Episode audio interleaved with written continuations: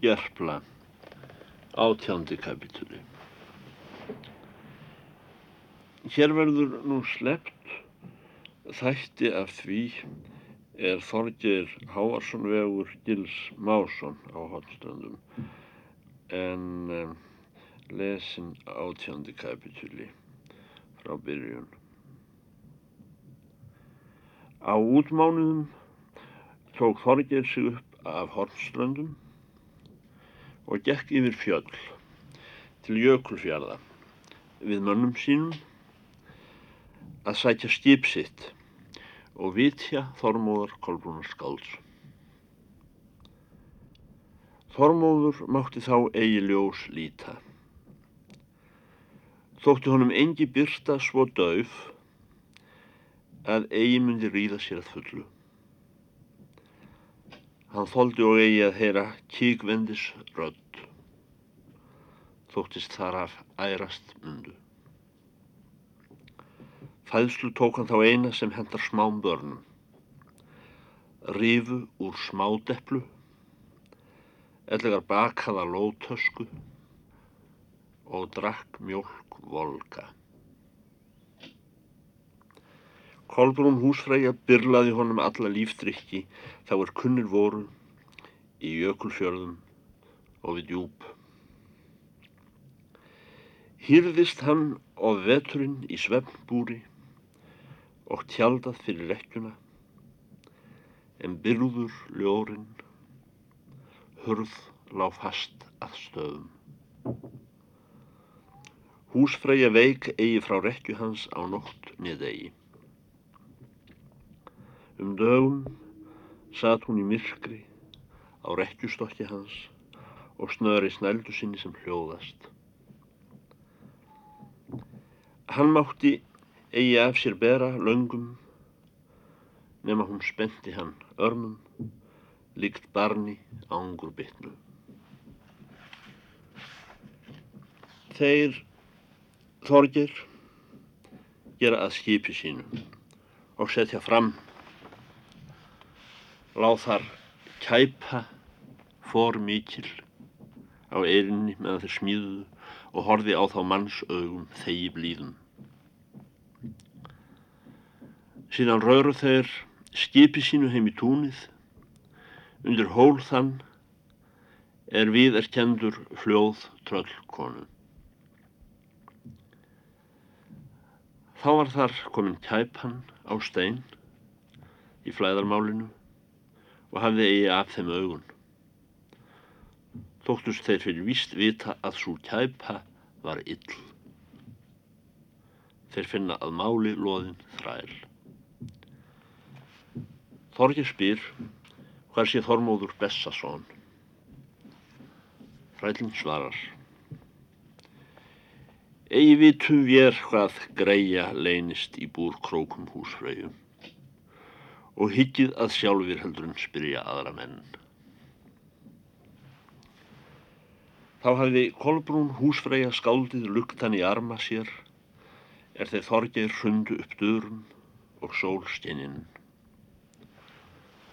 Þormóður hefði látið um veturinn æskur hreisti og lít og var nú skroppinn, mátt dregin og fölur. En húsfræja var bústnari og kona enn hörunds meiri en áður og rjóðari yfir litum. Hún stið fram úr rekkjunni við gestkomuna, hlúði skáldinu með dínunni og tók upp spuna sinn. Látt erstu lagður bróðir, meldi Þorger Hávarsson. Þormúður segir, leið hafa mér meiri menn. Littja mun eg þá er ég um döður, meldi Þorger Hávarsson, en aldrei ekki fyrir konu. Og í þeim orðum sínum dregur hann úr höndum húsfreyju spunan og kastar í gólfið bæði garni og snældu. Húsfreyja reys úr sæti, nokkuð senlega og mælti. Þess vættir mig að þú, Þorger Hávarsson, Liggir lægst fyrir þeim mönnum er svo sé alls vesalir að þar verði aldrei ekki hemd framkomið. En það vildi ekki þér segja formóður vínur minn og skáld. Að þóttu látir garp þenn að draga því úr fangi mér í dag.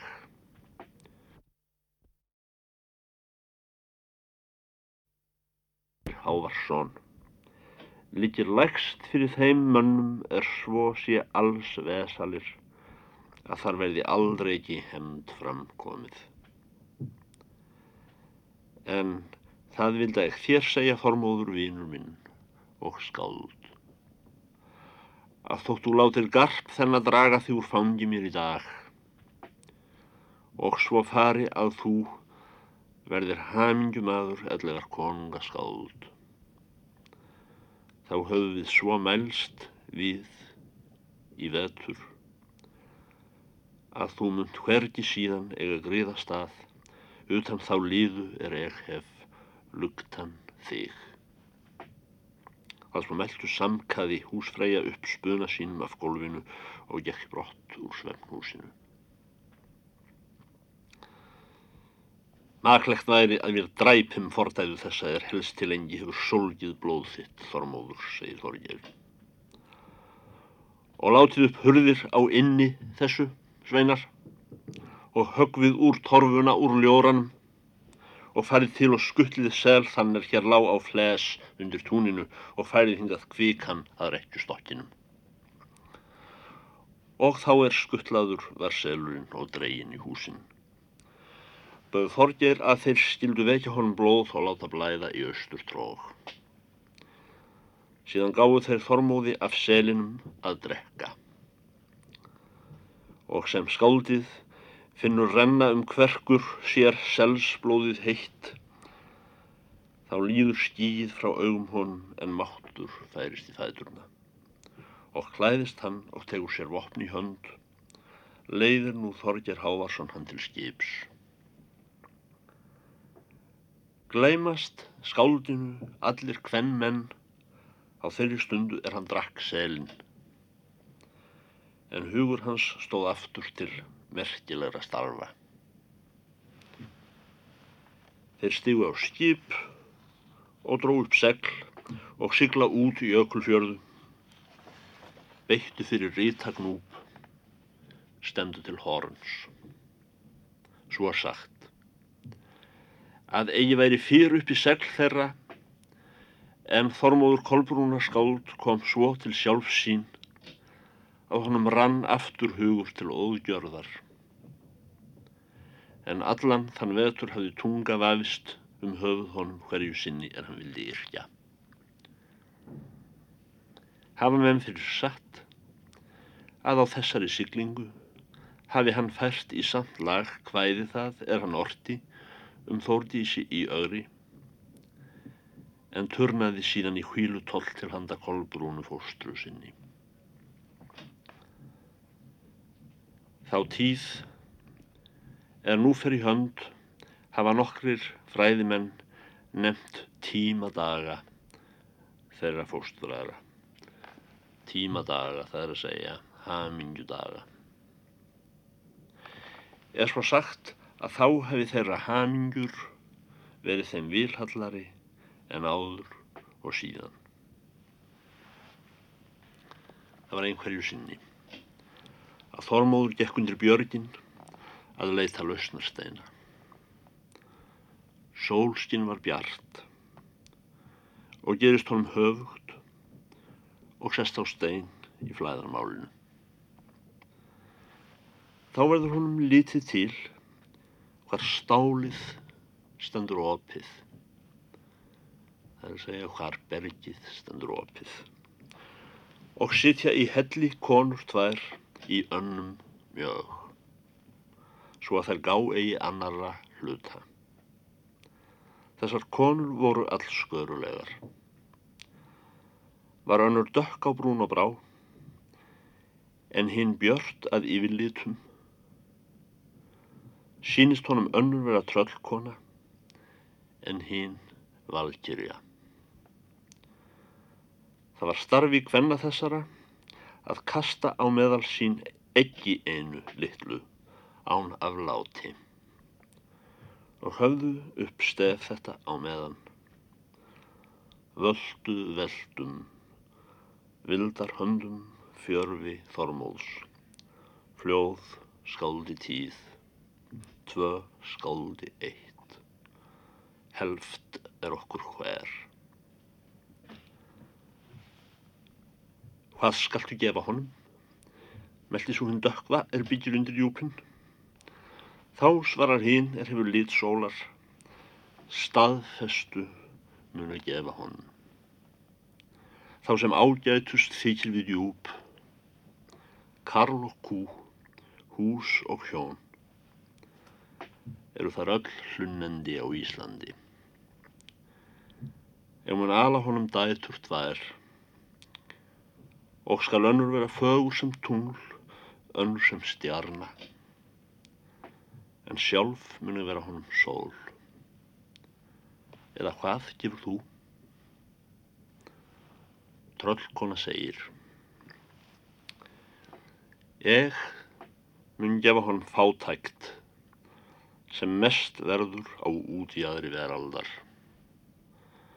Og geta við honum þær dætur helju næstar er heita nótt, þögn og öðun.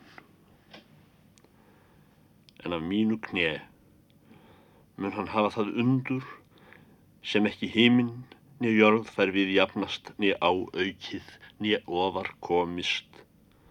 Uns heimsbyðin er öll og goðin döð. Í þeim töluðum orðum stóð kona þessi á fætur og gekk inn í bergið og hafði með sér fjöregg Þormóðar Kolbrunar Skáls. Nítjóndi kabli.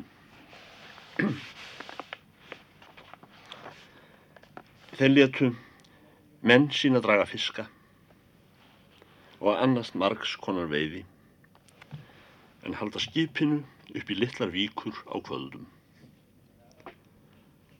Aldrei víku þeir langt frá skipi. Þeir hendu mikið gaman að þeirri íþrótt að fara í björg og sækja sér egg og fuggla.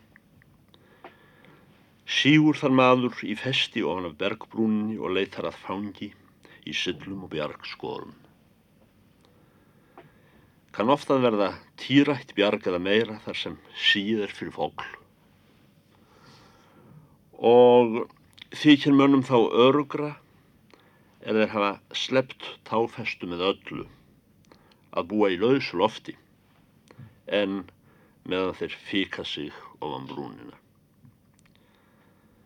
Þessi starfi er mest skemmt hann einhver sem verður á hornströndum. Þeir gera sér elda í bjargskútum en stundum á víðavangi því að hér er ofgnótt eldi viðar á fjörum og tjölduðu á landi er voru veður blíð. En þá er veður spiltust. Fóru þeir til bæja og buðu að berjast til gistingar, en bændur gengu þegjandi úr rúnum sínum fyrir þeim. Æskumenn störðu á garpana heitlaðir og viltist lítill miðmundi að öðrum mönnum ef þeir voru nær og svo konur ungar buðust þær til að annast þeim þvotta en sumar að gnúa lauðri í höfuð þeim. En smá gerðust afreg um vík og herfang er búkallar áttu vörn í fátæki sínu og lítilmennsku. Þeir svarabræður sátu oftum björtum kvöldum í lignu veðri upp á grasigrónum bjargþögum horns þaðan sér út norður í haf mót endi veraldar heimsins. Þeir gáðu gaum að varsýmum stórfiska í sjávarflatanum, varsýma mun vera sama og kjölrák.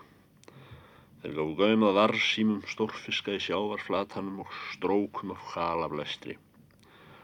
Höfrungar tók að stökva en kópar að leika, hnísustöðl setti beint norður í hafsöða. Þeir rættu oft um að sá maður er aflahefði til að vinna þessi kíkvendi og hafa af þeim spík og tenn myndi eiga nóan kaupeyri að fá sér herskip og fara með ófríði á hendur meiri þjóðum en þeirri sem byggir hornstrandir.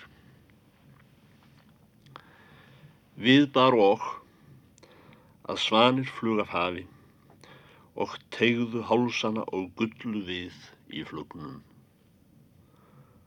Þá setti kappan að hljóða. Því að þeir vissu að þar fóru herjans stýsir konur, konum, efri. Þeir kjósa sér hetjur til valhallar en kennast aldrei við ragamenn. Þeir sögðu æðsta speki í veröldu að skilja dýn slíkra fókla og kunna að þýða flug þeirra. Það var einhvern dag er þeir sátu fram á bjargþökum og hafðu gát á mönnum sínum að fiskidrætti undir bjarginu. Þá kemur það nýður ræða þeirra sem nú segir. Þormúður spyr. Munu nokkur staðar um vestfjörðu lifa tveir menn ámóta gladir og reyfir sem við.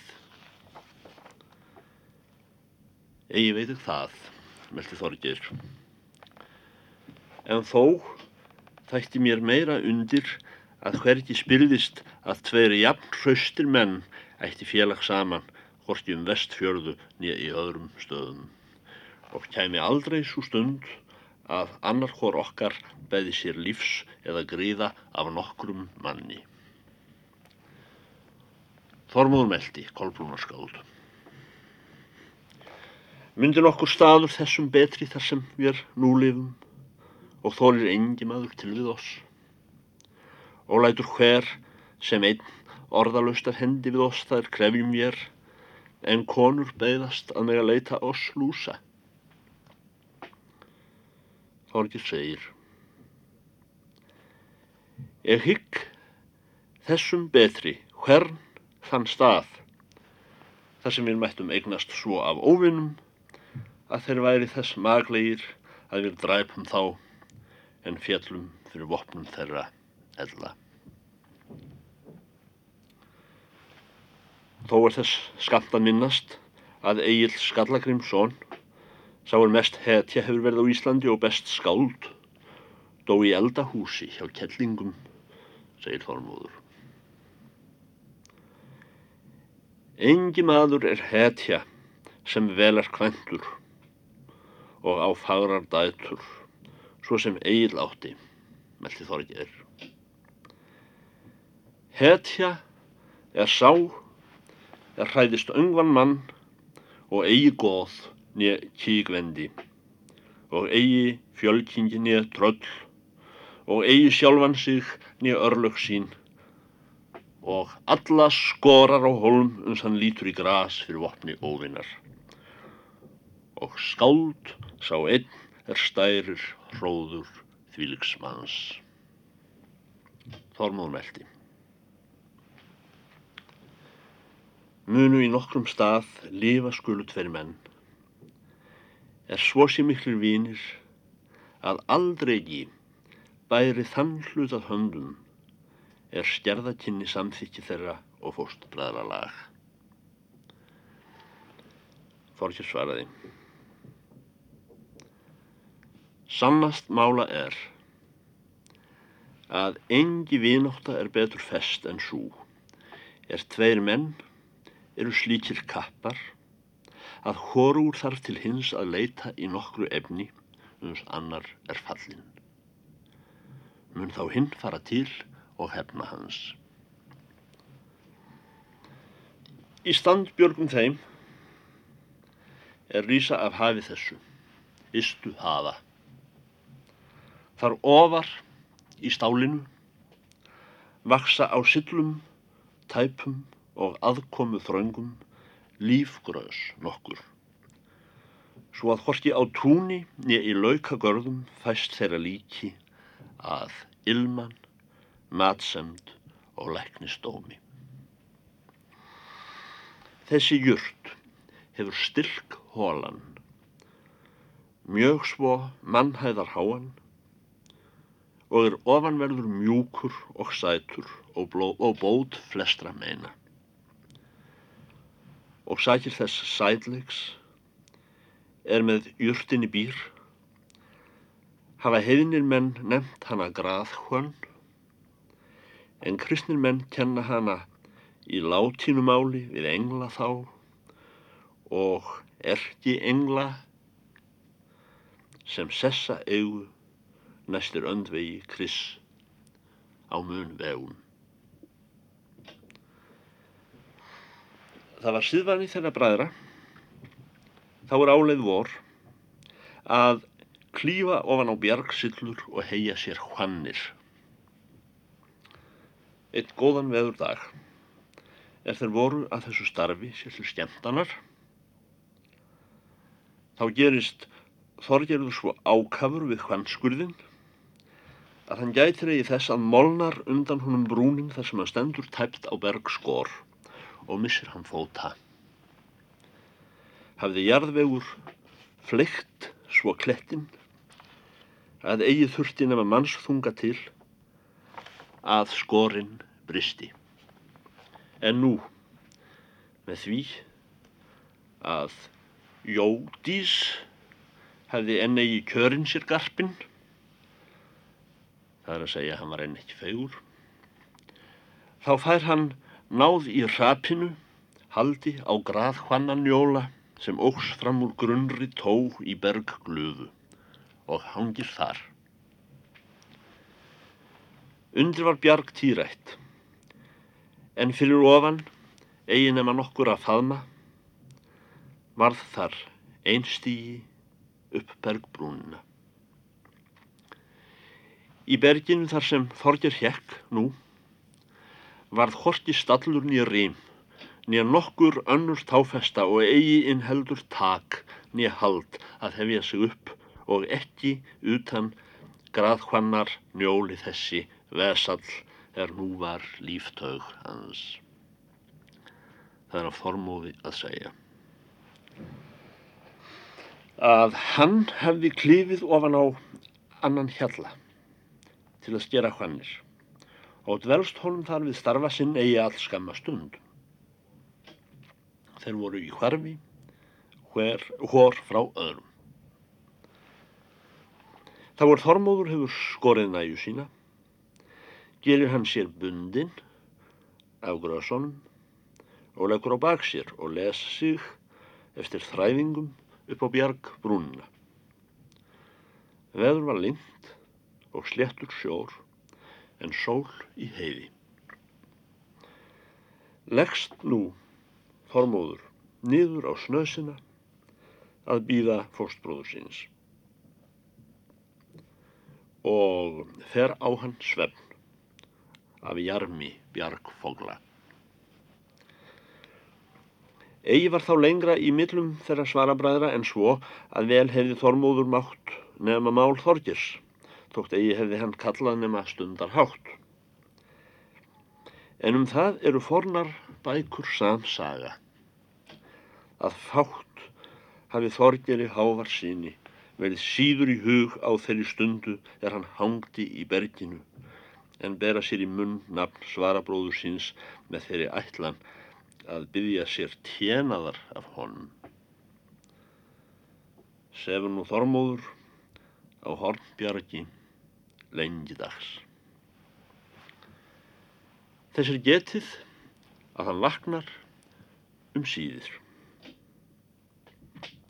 Hann undrast nú um fóstbróður sinn og tekur að kalla til hans ofan af brúninni. Egi svarar Þorgir því kalli. Þá klifrar Þormóður ofan á einn hjallan og kallar þaðan mjög hátt svo að upp þjóta foglar hvarvetna úr bjarginu. Þorgir svarar um síður að neðan. Láttu af að styggja fogla með ópum þínum. Þormóður spyr hvað dvelji hann? Þorgir svarar og segir Littlu máli skiptir hvað mig dvelur. Þormóð spyr hvort hann hafi eigi tekið nógar hvannir. Þá svarar Þorgir Hávarsson þeim orðum lengi síðan voru í minnum höfð um vestfjörðu. Ég ætla að ég hafi þá nógar að þessi er uppi er ekki held um. Þormóður dregur nú grun á að eigi muni allt með feldu um hvann skurð svara bróður síns. Fíkar sig í skyndi niður á stall þann sem Þorger var fallin af ofan og þá er hann skiknist fram af brúninni sér hann hvar fóstbróður hans hangir í berginu. Var þá hönnin mjög táinn og nær því að slitna upp. Þormóður kastar nú festarspotta til fóstbróður síns og fær dreigið hann til sín upp á skorina. Síðan klifu þeir einstíð upp á bjargbrúninu. Egi þakkaði Þorgeir Hávarsson fóstbróður sínum verk þetta. Ég let með nokkrum hætti í ljós við hann, að sér hefði verið á því auðfúsa. Var hitt líkara að hann æli með sér nokkur kala til þormóðar fyrir tilvíkið og gerðist færra með þeim fóstbræðurum frá þessari stundu.